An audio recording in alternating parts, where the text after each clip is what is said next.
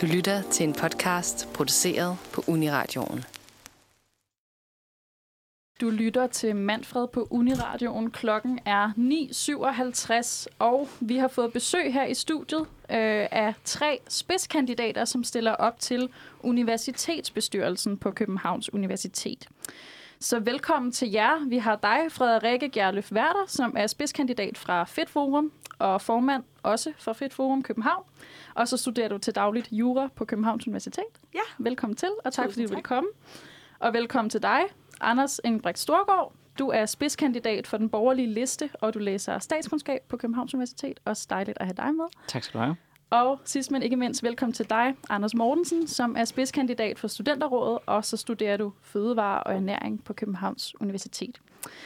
Øhm, super fedt, at I vil være med denne onsdag morgen. I er jo blevet inviteret ind til en lille debat, fordi der snart er øh, universitetsvalg, eller det har der allerede været på flere universiteter. Nu er det jo altså Københavns Universitets tur til at gå til stemmeboksene, og I stiller alle tre op til universitetsbestyrelsen. Og jeg tænker øh, først og fremmest, at vi måske lige skal sådan introduceres lidt til jer. Øh, I kommer jo for hver jeres sådan, liste, øh, og måske har lidt forskellige politiske holdninger. Og jeg vil egentlig gerne høre sådan, hvad er det for et bagland, I ligesom kommer fra? Hvis vi starter med dig, Anders Storgård. Jamen, hvilket bagland jeg kommer fra, der må du nok være lidt mere øh, Øh, jeg, præcis. tænker, nej, men jeg tænker, den borgerlige liste Ja. Repræsenterer du jo. Ja. Øhm, Jamen altså, jeg kommer, jeg, jeg kommer fra KS, den borgerlige liste. Øh, og vi er jo en liste, der har slået op i rigtig, mange år. Øh, og hvis rolle, kan man, kan man sige, er at være lidt den borgerlige vagthund, der kan udfordre Studenterrådet og Frit Forum, øh, og sørge for, at, øh, at den del af universitetet ikke bliver, bliver glemt. Til det her valg, der går vi jo til valg på, at øh, vi ønsker, at forelæsningerne de skal optages, også efter corona, at øh, de nye studerende skal have mulighed for at kunne få den rustur, de ikke fik, fordi den sociale start er afgørende for at få en god start på universitetet. Mindre byråkrati, og at vi vil gerne vil have Chicago-principperne, der handler om ytringsfrihed og forskningsfrihed, skrevet ind i universitetets charter. Øh, så man kan sige, hvad er, hvad, hvad er vores rolle? Det er først og fremmest at vise, at det gør en forskel, hvem det er, som, som, man, som man stemmer. Fordi selv om universitetspolitik nogle gange bliver gjort til, at det ikke er politisk, så er det jo sidste, sidste ende et spørgsmål omkring, hvor vil man gerne have, at universitetet skal hen, og der gør det en forskel, hvem det er, man stemmer på. yes. Og du står og kigger lidt. Anders Mortensen, har du lyst til at fortælle lidt? Du kommer fra Studenterrådet. Ja, jeg kommer fra Studenterrådet, og Studenterrådet er jo de studerendes, hvad kan man sige, bedste ven. Vi passer på de studerende, og vi har ikke, øh, vi er ikke medlem af noget parti, vi er ikke konservative, vi er ikke socialdemokrater. Vi er sat i verden for at hjælpe vores medstuderende. Og det er i virkeligheden det, øh, der driver Studenterrådet. Vi, øh, vi holder store møder, vi inviterer ind og sørger for, at man kan få indflydelse som helt almindelig studerende. Og derfor er vi gået til valg på klimapolitik. Vi ønsker øh, at følge den grønne studenterbevægelses klimakrav. Og så øh, går vi til valg på øh, selvfølgelig coronahåndtering. Altså det, at corona har sendt sindssygt mange studerende i klemme. Det har betydet, at folk ikke kan få de dispensationer, de har brug for. Det har betydet, at de bliver forsinket. Det har betydet, at de mister deres SU. Og det er vi rigtig, rigtig bekymrede over. Øh, Og vil rigtig gerne have noget hjælp til, for det påvirker os meget, meget negativt. Øh, Og især fremdriftsreformen kommer også frem som et kæmpe monster, og, øh, og har vist sig bare at være en kæmpe hindring for det gode studieliv. Øhm, så det er i virkeligheden øh, meget det, vi går til valg på, ja. Yes, tak for det. Og så har vi dig, Frederikke fra Fedt Forum. Ja, jamen øh, jeg kommer fra øh, Frit Forum, og, øh, og vi er sådan en, øh, en, den eneste liste til venstre for midten, plejer vi at kalde det, fordi at vi har jo den borgerlige liste, og så har vi studenterrådet, der er fri fra, fra politik, og så er vi lidt mere til venstre, øh, men også ind mod midten. Og øh, det vi går til valg på i år, det er et mere bæredygtigt universitet. Vi vil gerne have noget mere feedback, øh, og så øh, især det her med coronahåndtering, som Anders også nævner. Og jeg synes, en, en meget central del af det er sådan set, at corona aldrig må gå ud over kvaliteten af undervisningen. Øh, Så vi mener, at der skal, det skal håndteres bedre, at øh, den digitale undervisning skal optimeres, og øh, der måske skal være kurser, som er fælles for alle øh, undervisere på, på universitetet. Yes, og tak for det. Jeg kunne godt tænke mig lige at gribe fat i det her, du siger med, at I er, er det eneste, øh, den eneste liste til venstre for midten. Øhm, fordi ja, både du og øh, dig, Anders, I kommer jo fra øh, nogle lister, som har en klar øh, politisk holdning, eller sådan lidt mere partipolitisk, øh, hvor du, Anders, øh, kommer fra Studenterrådet, som er lidt mere frit. Øhm, hvad tænker du ligesom omkring det her med, at I ikke har en øh, partipolitisk farve eller retning, hvad det angår? For, Det- I, altså, formår I ligesom at få alle repræsenteret i studenterrådet? Jeg tror, øh, at man skal se det sådan, at det er svært at få alle repræsenteret. Men det der er, det er, at der er flere interesser, der binder de studerende sammen, end der skiller dem ad. Og studenterpolitik er bare ikke partipolitik. Altså, vi har brug for vores, vores SU, vi har brug for ordentlig undervisning, og vi har brug for nogle boliger, der er til at betale, og det behøves man ikke at være blå, rød eller grøn for at synes. Så i virkeligheden, så tror jeg, jeg synes lidt, det er lidt ærgerligt måske, hvis vi skal splindres, fordi der er bare ikke andre, der taler de studerende sag i øjeblikket. Vi er en meget trykket gruppe. Ja, Anders, øh, du ligner en, der har nogle kommentarer til det. Nå, men altså, man kan, jo, man kan jo godt tale de studerendes øh, sag og stå sammen eksternt, og så samtidig anerkende, at der er uenigheder blandt de studerende, og det er derfor vigtigt, at de politiske forskelligheder, de også får mulighed for at komme op. Nu nævnte du selv SU. Altså jo, der er der rigtig, rigtig mange studerende, der går op i, at SU'en skal være højere, men der er også mange, der ønsker, at den skal være lavere. Altså, der er jo vidt forskellige holdninger til det. Studerende er jo vidt forskellige, og det er vi jo fordi, at vi modsat mange andre faggrupper, så kommer vi ud og skal alt muligt andet på den anden side. Nogle af os skal være læger, nogle af os øh, skal være embedsmænd, andre af os øh, skal måske ud i en privat virksomhed. Altså det svinger jo enormt meget, og derfor har vi også forskellige interesser, fordi vi er måske det samme sted på nuværende tidspunkt i vores liv, men skal ud og lave andre ting på den anden side.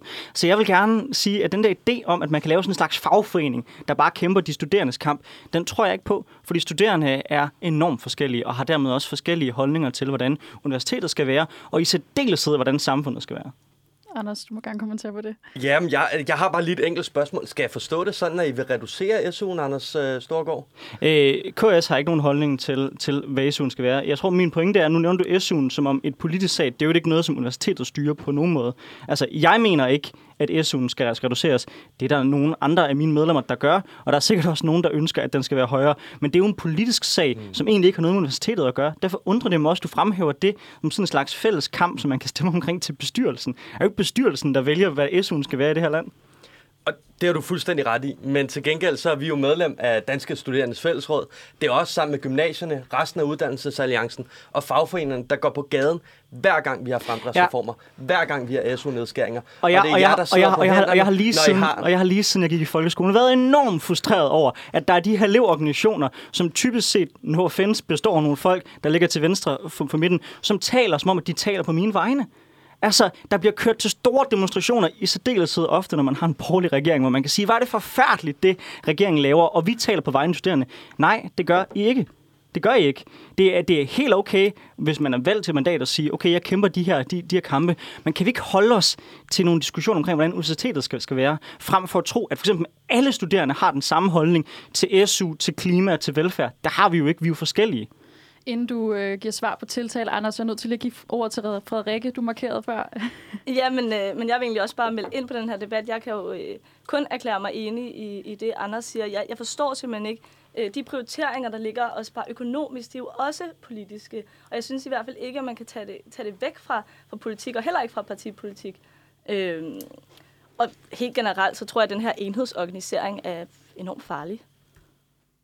Ja, Anders øh, Mortensen, har du nogle kommentarer til... Øh... Jeg, jeg, jeg blev angrebet lidt fra alle sider, men hvis vi lige skal tage den fra toppen, så lad os starte med dit udsagn, Anders Storgård. Det der er, det er, når man bliver valgt til bestyrelsen, så følger der også et valgtilskud med. De penge, dem vælger vi jo at give til medlemmer. Vi giver en kvart million øh, i, i midler, som øh, vores medstuderende kan søge. Alle er meget velkomne.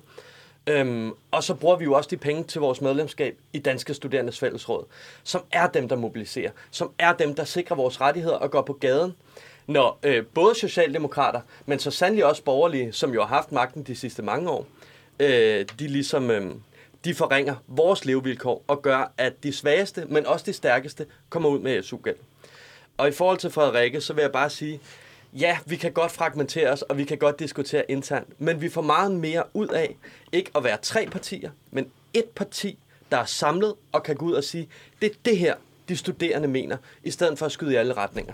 Når du siger øh, et parti, mener du så studenterrådet, eller mener Ja. du øh, på sigt af alle lister i samarbejde? Altså, jeg mener studenterråd. Jeg håber, alle lister er jo velkomne, og vi ville jo elske, hvis både Frit Forum og Konservativ også havde lyst til at melde sig ind under paraplyen.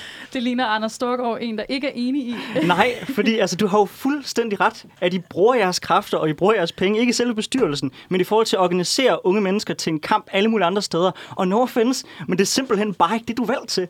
Du er valgt til at repræsentere os som studerende på universitetet. Og jeg vil gerne love alle de folk, der lytter med her, at selvom jeg personligt har en holdning til, at skatten skal være lavere, så er jeg da det ansvar modent, at når jeg sidder i bestyrelsen, forhåbentlig hvis jeg bliver valgt, så har jeg da ikke tænkt mig at sidde og bruge den platform til at kæmpe en, kamp og sige, jeg er valgt, der fortæller jeg på vegne af alle de unges holdning, og nu siger jeg, at skatten den skal ned. Og det er det, problemet er.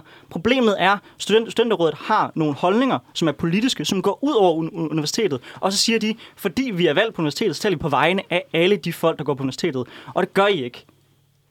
Frederikke, du lignede en, der også havde en kommentar til... Øh... Jamen, altså, jeg synes jo også, øh, at, øh, at Anders herover fik, fik sagt det ret fint. Men jeg tror også, jeg, jeg, jeg synes i hvert fald, det er et ret stort problem der med, jeg kan ikke melde mig ud af studenterrådet, hvis jeg ønsker det. Jeg er simpelthen pålagt, at I skal repræsentere mine interesser, men hvis jeg ikke er enig med jer, så repræsenterer jeg jo dem alligevel. Anders, Ja, det er et mærkeligt problem, og det er lidt sådan et ikke-problem. Jeg synes, det er en mærkelig diskussion. Jeg kan godt forstå anken, at man gerne vil repræsentere sig selv. Men når man lever i et demokrati, så må man bare følge flertallet en gang imellem. Og det er desværre sådan, det er. Det er ligesom i international politik. Man kan godt være rygende uenig i, at vi skal hive Tibet-flag ned og læfle for Kina. Men når man er dansker, så er det bare den holdning, man indtager, fordi man er del af et fællesskab. Nej, fordi Og- Anders, altså, nej, Anders, Anders Anders- Mortensen, dygtig vi stemmer om. Dygtig vi stemmer om. Og det jeg bare vil sige, det er, at jeg er ked af, at jeg er ikke en eller anden gennemprofessionaliseret kandidat, der er skudt ud af ungdomspartierne. Jeg er bare Anders Mortensen, som er fødevareingeniør, og det jeg ønsker, det er at trække i arbejdstøjet og være der for mine medstuderende. Og det mener jeg klart, vi bedst gør, hvis vi står sammen. jamen lad mig lige gribe fat i den og sige, jamen Anders Storgård, kan man ikke sige, at hvis man melder sig ind i studenterrådet, så ved man jo i og for sig godt, hvad studenterrådet har af mærkesager osv., er det politiske bagland, man måske har i forhold til folketingspolitik, i og for sig så ikke irrelevant, hvis man bare er enig i de sager, der bliver kæmpet for. Jo, men problemet er jo, at, at når man starter på universitetet, så bliver det jo markedsført som om, at det er det ligesom elevrådet, som I kender ude, ude fra jeres folkeskoler og fra jeres gymnasier. Men det er det jo ikke, for der er en masse holdninger, der går langt ud over det, man laver i et elevråd. Og det er det problemet. Og jeg tror også, det er en af grundene til, at valgdeltagelsen er så ufattelig lav. Det er, fordi folk kan ikke se pointen i at stemme. Alle folk sidder jo bare i elevrådet, og de varetager bare deres interesser, men der er jo kæmpe stor forskel. Det illustrerer den her debat jo ganske, ganske, ganske fint. Og det handler altså ikke omkring, hvilken baggrund man har rent folketingsmæssigt. Det handler omkring, at når man gerne som studenterrådet vil have en masse holdninger, der går ud over universitetet, så kan man ikke samtidig markedsføre sig, som om man er i et elevråd. Det kan man ikke, fordi så er man gået ud over elevrådskampen. Så går man ind i et spørgsmål, der er politisk. Og når vi begynder at snakke SU, vi begynder at snakke velfærd, vi begynder at snakke alt muligt andet, så er vi altså ude over det, som universitetet står for. Og så kan man snakke nok så meget omkring, at man ikke er skudt ud af ungdomspartier. Men det kan jeg så sige, det er der enormt mange sådan råd, der er. Anders Mortensen. At det er simpelthen ikke rigtigt. Men det er en anden side af sagen, og den kan vi godt tage bagefter. Det jeg bare vil sige, Anders, det er, at det, det her det handler ikke om partipolitik. Det handler grundlæggende om, at vi skal hjælpe vores medstuderende. Det er jeg sikker på, at du også gerne vil. Men, men det kræver ikke ideologi. Det kræver simpelthen bare sund fornuft og hårdt arbejde. Frederikke? Jamen, og jeg kan egentlig godt se den der, øh, den der tilgang til det, at det handler bare om, at vi vil hjælpe vores, øh, vores øh, studerende. Men, men på hvilken måde? Altså, det er jo ikke alle, der gerne vil hjælpes på ens måde. Som Anders også fremhævede, Anders Storgård fremhævede, øhm, så er der nogen, der gerne vil hæve SU'en, der er nogen, der gerne vil have den lavere. Hvordan kan du så, altså jeg forstår ikke, så repræsenterer du jo stadig ikke alle. man kan jo ikke, man kan jo ikke både sige, at det her det handler ikke om partipolitik, og så kan man samtidig sige, okay, vi har en holdning til SU, som går langt ud over det, man laver i bestyrelsen. Og det er bare enormt vigtigt, jer, der lytter med, ved det. Når I skal stemme, så stemmer I ikke om SU'en. Hvis I har en holdning til, hvad SU'en skal være, så skal I stemme til folketingsvalget. Og prøv at bilde folk ind, at et valg til universitetet handler om SU. Det synes jeg for mig at se er skævvridet, hvad debatten handler om. Du får lige lov at svare, Anders Mortensen. Ja, det, det synes jeg egentlig også. Eller sådan, det lyder som om, I er imod SU. Det lyder som om, I er Nej. imod betalelige Stop. boliger. Selvfølgelig ikke. Det var, Det er jeg så glad kæmpe, for at kæmpe høre. strømmand. Det er Kæmpe jeg så glad for at prøv, høre. Prøv, det, det, er, det er en kæmpe strømmand. Du bliver, du bliver angrebet for at sige, at noget af det, vi stemmer omkring, det er ikke det, som rent faktisk er det, som universitetsvalget handler om. Og så siger du, ej, okay, jeg er, jeg er bange. Jeg er bange for, at jeg næsten hører, at Frit Forum er imod SU. Selvfølgelig er Frit Forum ikke imod Nej. SU, men du kan da godt være tilhænger af SU som Frit Forum, og samtidig sige, det er ikke det, vi stemmer omkring til universitetsvalget, for det er ikke det, vi stemmer omkring til universitetsvalget. Du, hvis du bliver valgt til bestyrelsen, skal repræsentere mig i nogle helt konkrete sager, som ikke har noget med SU at gøre, som handler omkring mine vilkår som studerende på universitetet. Og ved du hvad, det er fuldstændig rigtigt. Og det kan vi også sagtens snakke videre om. Men der følger bare en kæmpe pose penge med det her valg. Altså 2-2,5 million. Øh, studenterrådet bruger det på medstuderende. Studenterrådet bruger det på at organisere sig.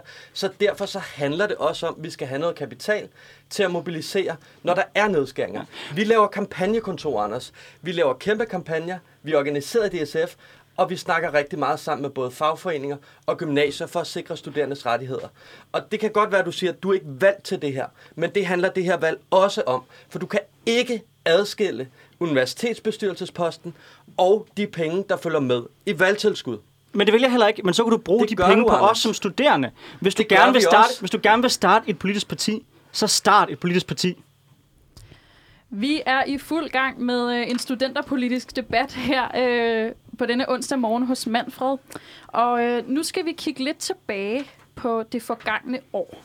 Øh, der er jo sket lidt forskellige ting i studenterpolitikken det seneste års tid. Og jeg vil gerne starte med at kigge lidt på øh, for et års tid siden i efteråret 2019, hvor øh, studenterpolitik jo især på Københavns Universitet virkelig øh, fyldt meget i medierne i forbindelse med den her blokade af dekanatet ude på det humanistiske fakultet. Øh, og nogle af dem, der var hovedorganisatorer for, øh, hvad hedder det, for den her blokade, var jo HUMrådet, som er en undergren af studenterrådet på det humanistiske fakultet. Så jeg kunne godt tænke mig at spørge dig først, Anders Mortensen. Hvad tænker du om den her debat? Var det ligesom en nødvendighed for den demokratiske proces? Det tænker jeg 100%. Altså, det skal siges, at Studenterrådet er en bottoms-up organisation. Det er ikke os, der bestemmer, hvad humoret laver. Det er fuldstændig humoret selv, der bestemmer, hvad der er nødvendigt for dem. Og vi støtter selvfølgelig vores underorganisationer. Jeg synes, det er fantastisk, at studerende tager skeen i den anden hånd og siger, vi vil ikke finde os i flere nedskæringer. Vi vil ikke finde os i flere ledelsesbeslutninger, som bliver truffet over hovedet på os. Fordi de studerende er hverdagens eksperter, og når man snakker med de studerende, så får vi bedre uddannelser og bedre beslutninger. Så jeg er rigtig stolt af mine medstuderende. Frederikke? Men jeg kunne godt tænke mig at spørge dig, Anders. S- tror du, helt seriøst, som, som, som overordnet princip, at man får noget ud af at stille øh, ultimative krav, og faktisk ikke ønsker at gå i dialog med, med dekanatet? For du siger, at, at man får mest ud, hvis man taler med sine studerende, men de studerende ønskede jo ikke at tale. De ville bare lave ballade, var min opfattelse i hvert fald. Jeg tror, man får rigtig meget ud af at snakke med mennesker. Hvis man tager ud og snakker med dem, der er på blokaden, hvis man tager ud og mærker den stemning, der er, og ikke sidder på et andet fakultet og udtaler sig om det, så øh, vil man forstå, at der har været en lang, lang, lang demokratisk proces op til det her. Man har virkelig forsøgt at i talsætte over for ledelsen, at der er et problem. Det handler om en målplan, det handler om fagsamlægninger. Fransk og tysk kan bare ikke have for mange fag sammen. Man kan ikke lære tysk og lære fransk på en og samme tid. Og det var det, den her sag handlede om. Øhm, så jeg tror, når man siger, at de bare vil lave ballade, så skal man huske at sove 38 dage på en universitetsgang. Det er altså ikke særlig sjovt. Og så mange bade er der bare heller ikke på Kura, så jeg tror, det har været rigeligt hårdt for dem. Anders Storgård? Nu talte vi jo tidligere omkring det her med, om, øh, om man var venstreorienteret. Og jeg vil sige, at hvis man begynder at snakke, snakke blokade og strækker, så kan man godt mærke, hvor retorikken et eller andet sted er henne, som jeg ser det. Og så forstår jeg ikke, hvad, hvad pointen med det er, først og fremmest. Altså, når man laver en blokade ude på en virksomhed, så er det fordi, at der er en arbejdsgiver, der gerne vil have noget arbejdskraft. Og ved at blokere det, så sørger man for, at han ikke kan køre sin virksomhed, så går han på røven, så man kan presse ham på den måde. Det man gør, når man som studerende blokerer en uddannelse, det er, at man blokerer sin egen mulighed for at få gratis uddannelse. Det er altså ikke et, et særligt godt magtmiddel, fordi det svarer lidt til at skyde sig selv i foden for at sikre, at nogle andre gør noget, gør noget andet. Altså sådan, det gavner ikke særlig meget, og det gavner især ikke debatten, fordi det gør altid, hver gang der kommer blokade, så bliver det sådan en skinger, op på barrikaderne, kammerater, lad os tage kampen med, med, med, med universitetet. Og, jeg, og, og for mig at se, der misser man den hovedpointe, som er, at det er gratis uddannelse, og vi har alle sammen fælles interesse i at sikre, at det fungerer på bedst mulig måde. Og det gør man bare ikke ved at øge konfliktniveauet til det niveau. Frederikke først. Øhm, jeg tror faktisk lige, jeg vil lade Anders svare på det. Ja, Anders. Tak, Frederikke. Jamen, altså, Anders, jeg, har fuldst- jeg kan virkelig godt se, hvor du kommer fra, fordi det virker fuldstændig ekstremt at sige nej tak til øh, gratis uddannelse. Det virker ekstremt at sove på en ledelsesgang. Og det er ekstremt. Det er det, der er pointen. Men det, man bare kan sige, det er, at det vidner om en enorm desperation. Det her er absolut sidste udvej, når al anden dialog fejler. Øh, og derfor så tror jeg også, jeg synes måske, det er en lille smule, hvad skal man sige, jeg tror, man skal have meget stor respekt for den øh, blokade, der har været, og for de mennesker, der har gennemført den blokade. Når man ikke har været der, når man ikke har kender sagen, når man ikke har snakket med de mennesker, og når man ikke har fulgt processen, så kan det ofte være svært måske at komme udefra og udtale sig meget specifikt om en sag. Og det får du lov at kommentere på, Frederikke. Jamen, for det første, så, øh, så siger du, at jeg aldrig har været der. Jeg var faktisk ude og, og besøge blokaden for at se, hvad det var for noget, og det var da meget spændende. Øhm, jeg, jeg må sige, at jeg synes også det her med, hvis vi taler blokade, så taler vi jo også at kabre øh, talerstolen til årsfesten, når vi taler om at lave, lave demonstrationer ude foran årsfesten med øh, nogen, der skulle ligne døde mennesker, og jeg ved ikke hvad, noget begravelseshalløj. Jeg, jeg, må, jeg må bare sige, jeg synes, det er en lille smule en overreaktion på fagsamlægninger. Altså, de sammenligner det med studenteroprøret i 60'erne, hvor de kabrede talerstolen, og så sammenligner det med fagsamlægninger. Det, det, det synes jeg altså, det er en forkert parallel at drage. Anders Storgård? Jamen, øh, jeg er sådan set meget, meget enig. Øh, altså, jeg, jeg har lidt en holdning til, at, at givet man brugt al den store frustration og ønske omkring at være ude og være aktivist, uden for universitetet på at prøve at ændre det samfund, man var en del af, frem for at prøve at kanalisere det indad på, på universitetet. Men jeg har nogle spørgsmål til dig. Øh, du siger, der er gået en lang proces foran. Hvad har I gjort for at sikre, at øh, vi ikke er endt der, hvor der sker en sådan øh, øh, fagsamlægning? Fordi hvis der er nogle savlige, ordentlige argumenter, så forstår jeg ikke, hvorfor det ikke er lykkes jer at overtale universitetet til at lytte til dem. Er det, fordi universitetet ikke forstår, hvad der øh, foregår, eller er det, fordi jeres argumenter er for dårlige?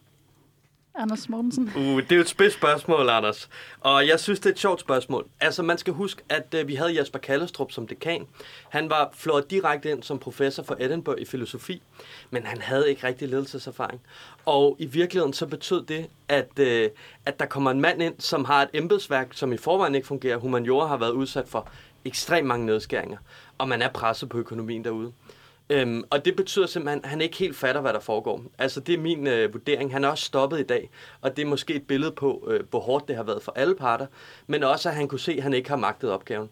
Så jeg vil sige, det er ikke fordi, der ikke har været argumenter nok. Det er simpelthen fordi, man har ledet for dårligt øhm, fra universitetets side. Og så vil jeg bare sige, Anders, at nu sagde du jo i vores sidste debat, at det var træls, at vi mobiliserede mod SU-nedskæringer.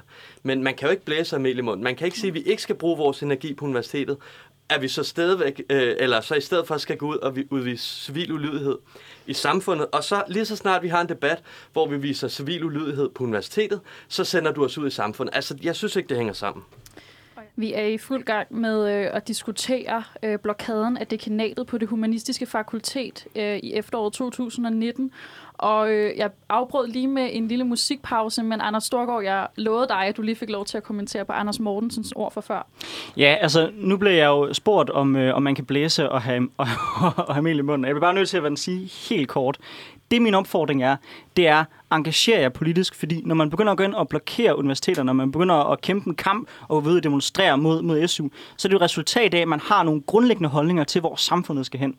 Og der kunne jeg bare godt tænke mig, at man kanaliserede de kræfter ud i den politiske verden og prøvede at forandre det samfund, som vi er en del af, frem for at prøve at politisere universiteterne. Og så kort tror jeg, at jeg kan svare tilbage. Har du en kommentar til det, Anders Mortensen? Jamen altså, vi bruger bare øh, de demokratiske midler, vi har til rådighed, for at sikre vores studerendes øh, interesser. Og så tror jeg ikke, der er så meget at sige. Nej, og det er jo netop det. Det er jo en diskussion af, hvilke midler man tager i brug for at sikre øh, demokratiet. Øh, og nu vil jeg gerne kigge lidt på noget, øh, noget andet fra, øh, fra det forgangne år øh, inden for studenterpolitik. Fordi ved sidste års univalg, der var dog en anden sag, som fyldte lidt, øh, især øh, på Københavns Universitet, med at der var nogle valgplakater, blandt andet fra jer, øh, Frederikkes Frit Forum, og øh, fra konservative studerende, som blev reddet ned. Hvad gør det ved demokratiet, at de her plakater ligesom bliver reddet ned, Frederikke? Jamen, altså, jeg, jeg, tror, jeg synes, det er utrolig udemokratisk, og jeg tror egentlig, det, det er en måde ligesom at, øh, at øh, tige, eller få sine modstandere til at tige. Øh, vi har brugt en masse kræfter på at lave de her valgplakater, hvis det bliver, det er ligesom vores middel til at komme ud til de studerende, som ser dem hænge. Og hvis vi ikke kan komme ud med, med vores budskaber, fordi der er nogen, der går og ødelægger dem, så altså, det er jo fuldstændig hen i vejret. Anders Storgård, i øh, den borgerlige liste, I fik jo også reddet et par øh, plakater ned til sidste års univalg. Jamen altså, hvad er der at sige til det, udover, udover at der tydeligvis er nogle, nogle bøller, der ikke har forstået, hvad demokrati det handler omkring. For demokrati handler netop om at kunne tolerere folk, man er politisk uenig med, og have en debat, som vi har her. Øh, og det er jo enormt vigtigt, at universitetet giver plads til det. Øh, men den sag tror jeg altså ikke, der er så meget mere, og man havde snakket om på det. Jeg vil hellere brede debatten lidt bredere ud, nemlig i det her spørgsmål omkring, om der er rum til uenighed på universiteterne. Og det håber jeg, vi kan debattere mere herefter. Ja, Anders Mortensen, er der rum til uenighed ude på universiteterne? Altså, jeg synes jo, når man river valgplakater ned, så viser det sig, at det rum måske er blevet en lille smule mindre. Men jeg tror, at det er meget, meget få individer. Og jeg vil bare sige, at jeg synes, det er fuldstændig uacceptabelt at rive valgplakater ned. Vi bliver så meget klogere af de uenigheder, vi har, de debatter, vi har. Og jeg synes, I kommer med nogle rigtig gode indsigter. Jeg er ikke altid enig, men det gør mig klogere at høre jeres holdninger. Så, øh, men jeg tror, det store problem, hvis vi snakker forskningsfrihed, mange vil sige, at det her det kommer fra krænkelsesparate studerende, øh, og man er, man er træt, og man er vred af det, øh, over det. Og Henrik Dahl har jo også været ude, der har været et særnummer Uniavisen, hvor han siger, uha, vi skal have Chicago-principper, der er så mange studerende, som er fuldstændig rasende, øh, og prøver at ændre undervisning. Det er altså ikke det, der sker. Det, der sker, det er, at vi har et Christiansborg, og vi har et erhvervsliv, som trykker vores forskere.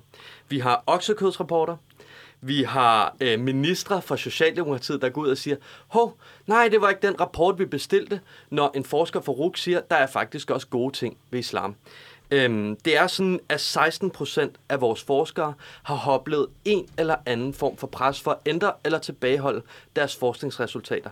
Og det er en stor undersøgelse, VIVE har lavet her i 18. Frederikke, har du nogle kommentarer til det? Øh, ikke så meget til forskning. Altså, jeg ved ikke, snakker vi forskningsfrihed, eller snakker vi ytringsfrihed? For det synes jeg er sådan lidt... Øh, jeg synes, debatten bliver lidt... lidt øh, der kommer lidt mange emner på bordet nu, synes jeg. Ja, men hvis du har en kommentar til ytringsfrihed, må du gerne... Øh... Jamen, det har jeg øh, i, i særdeleshed. Øh, jeg, jeg synes helt sikkert, at nu kom der også en debat efter det her med, med nedrivning af valgplakater, om der, var, øh, om der var plads til måske mere borgerlige holdninger på, på universitetet. Og jeg synes faktisk, at både valgkampen og den efterfølgende debat viste, at det er der altså ikke altid. Der var faktisk flere studerende, der gik ud og sagde, jeg øh, kan ikke have lov til at øh, være øh, øh stemme radikal venstre, eller hvad det så var, eller sådan, øh, komme med nogle mere øh, højorienterede øh, økonomiske betragtninger. Og, og jeg synes, det er et kæmpe problem, at man på et universitet, hvor man skal vokse, og man skal, og man skal sådan danne grundlag for, øh, for, for hele sit liv, og, og komme ud i samfundet og formentlig ændre det, at man ikke kan have lov til at tænke frie tanker, og i hvert fald øh, udfordre de herskende tanker.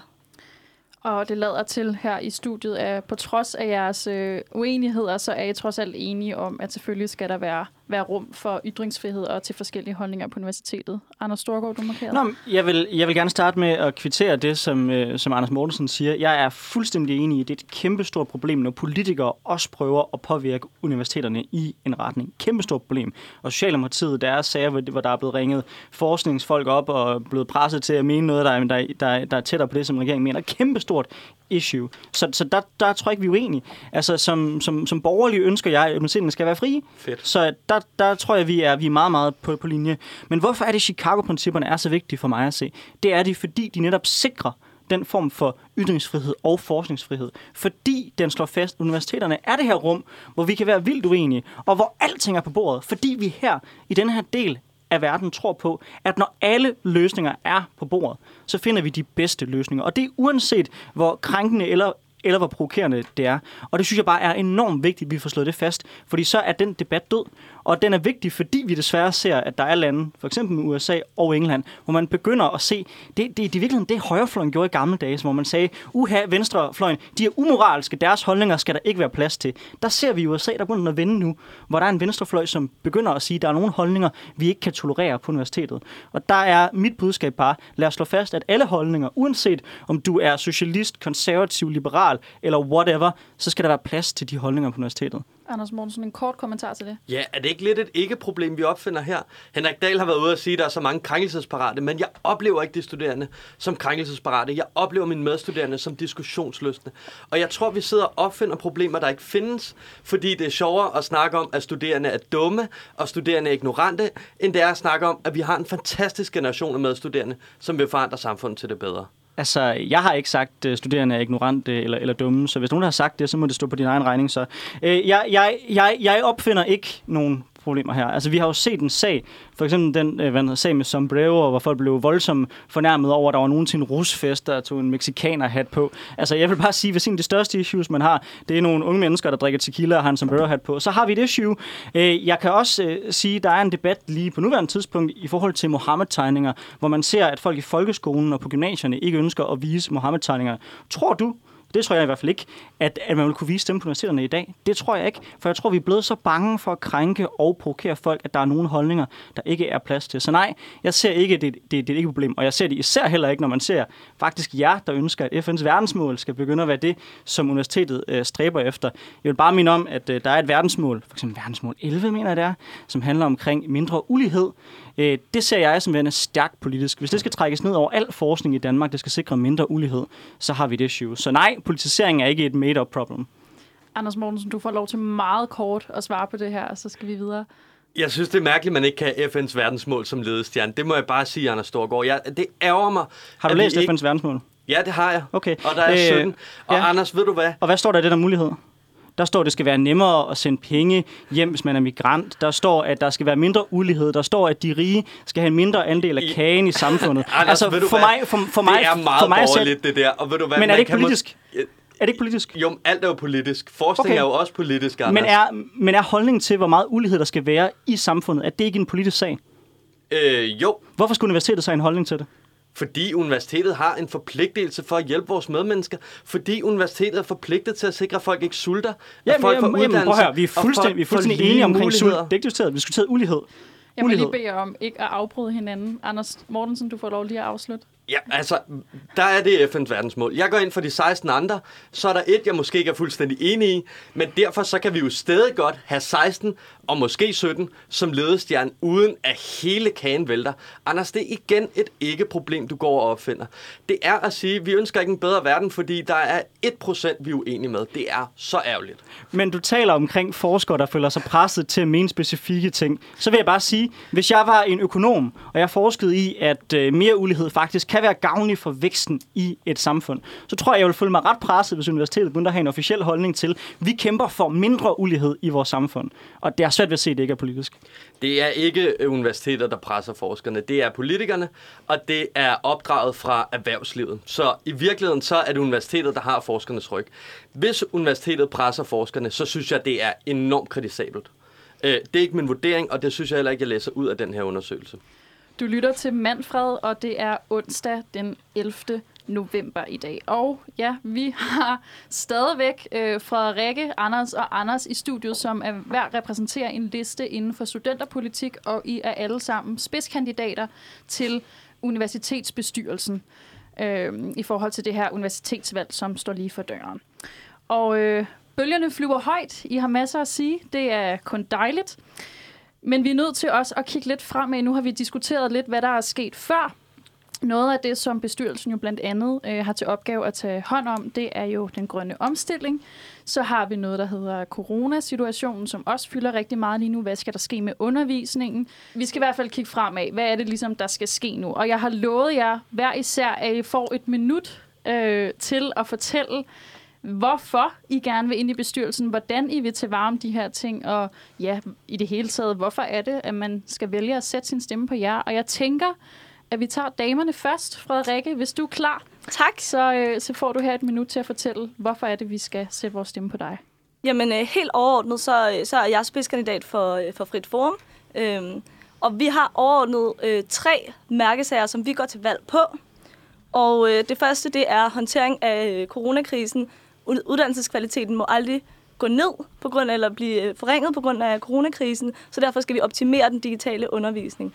Så går vi til valg på, at øh, vi skal have mere feedback, fordi karakterer, de skal betyde noget. Man må ikke bare få en eller anden stum karakter, så kan man i hvert fald ikke forbedre sig. Og det er jo det, universitetet handler om. Øh, og så går vi så selvfølgelig også til valg på, øh, på det her med, med bæredygtighed, grøn omstilling. Vi har valgt en, øh, en mærkesag, der er sådan meget, meget håndgribelig, øh, også for ligesom at, at indramme, at vi vil den, øh, et mere bæredygtigt universitet. Øh, men vi har valgt en mærkesag, der hedder mindre papir, mere bæredygtighed, øh, som vi stiller op på ude på, på folkesundhedsvidenskab, hvor I kan stemme på en af vores kandidater derude. Yes, og mange tak for det, Frederikke. Så giver jeg ordet videre til dig, Anders Storgård. Hvorfor skal man stemme på dig til universitetsbestyrelsen? Jamen, man skal stemme på mig, øh, hvis man virkelig savner de fysiske forelæsninger, men også samtidig gerne vil have, at når verden bliver normal igen, så bliver de stadigvæk optaget. Fordi det er et kæmpe om genialt redskab til at kunne øh, læse op til sine eksamener. Jeg har selv været til eksamen for nylig. Det der med at kunne se, hvad forelæseren sagde for fem forelæsninger siden, det har været et redskab, jeg har brugt enormt meget til eksamen. Man skal også stemme på mig, hvis man gerne vil have, at de studerende, der har misset deres rustur, de får den rustur. Jeg vil have hadet, hvis det var mig, der havde, der havde misset det. Og universitetet bør sikre, at alle folk får den samme start, som jeg var så heldig at få, da jeg startede. Skal I selvfølgelig også stemme på KS, hvis I ønsker, at øh, KU skal have mindre byråkrati, så vi kommer ned på samme niveau som andre universiteter og bruger pengene på de studerende, frem for på øh, flere byråkrater. Og så selvfølgelig, hvis I mener, at ytringsfrihed og forskningsfrihed og det frie ord er afgørende for universitetets tag. Tusind tak for det, og øh, her til sidst, så får du lige et minut til at fortælle, hvorfor vi skal stemme på dig, Anders Mortensen.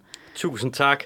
Man skal stemme på mig og på studenterrådet, hvis man mener, at det er vigtigt at have en uafhængig kandidat, som er ligeglad med, hvem der sidder inde på Christiansborg og hvilken parti der er i regeringen. Vi trækker i arbejdstøjet, og det betyder, at vi kommer til at kæmpe sindssygt hårdt for klima. Vi samarbejder med Extinction Rebellion, den grønne studenterbevægelse osv., og vi er fuldstændig med på de klimakrav, øh, bedre forskning, bedre uddannelse, grøn forskning, grøn uddannelse og CO2-neutral campus. Vi vil også gerne have en bedre administration, men jeg tror, vi er lidt uenige med Anders Storgård. Vi mener nemlig, at det skal være langt lettere at få sine dispensationsansøgninger. Vi skal passe på de studerende, som er kommet i klemme. Vi mener ikke, at vi skal skære ned. Vi mener derimod, at vi skal kigge mod vores bygningsmasse. Vi har en enormt uretfærdig ordning, der hedder SEA-ordningen, hvor staten tjener 2 milliarder om året på universiteterne. Det er fuldstændig forrygt, og øh, vi har en Niels Bohr bygning, som er overskrevet med 160 procent. Så det er 100 procent en sag, vi også kommer til at kæmpe rigtig hårdt for. Og det var dit minut, der gik der. Tusind tak alle sammen der er jo så mange ting, vi slet ikke nåede at debattere, fordi I simpelthen har så, øh, så klare holdninger til det hele. Men øh, lad det være en opfordring til, at man går ind og læser jeres valgprogrammer, øh, for der er jo meget mere til det, end det vi har, har kommet omkring nu. Men I skal i hvert fald have tusind tak, fordi I gad besøge Manfred her øh, i dag. Jeg håber, at øh, folk er blevet lidt klogere på, hvad det er, øh, deres stemme går til, øh, og hvad det har af betydning, at man vælger en øh, elevrepræsentant ind i, øh, i universitetsbestyrelsen. I hvert fald tusind tak, øh, fordi I ville komme. Det har virkelig været en fornøjelse at have jer alle sammen på besøg, og, øh, og meget lærerigt også.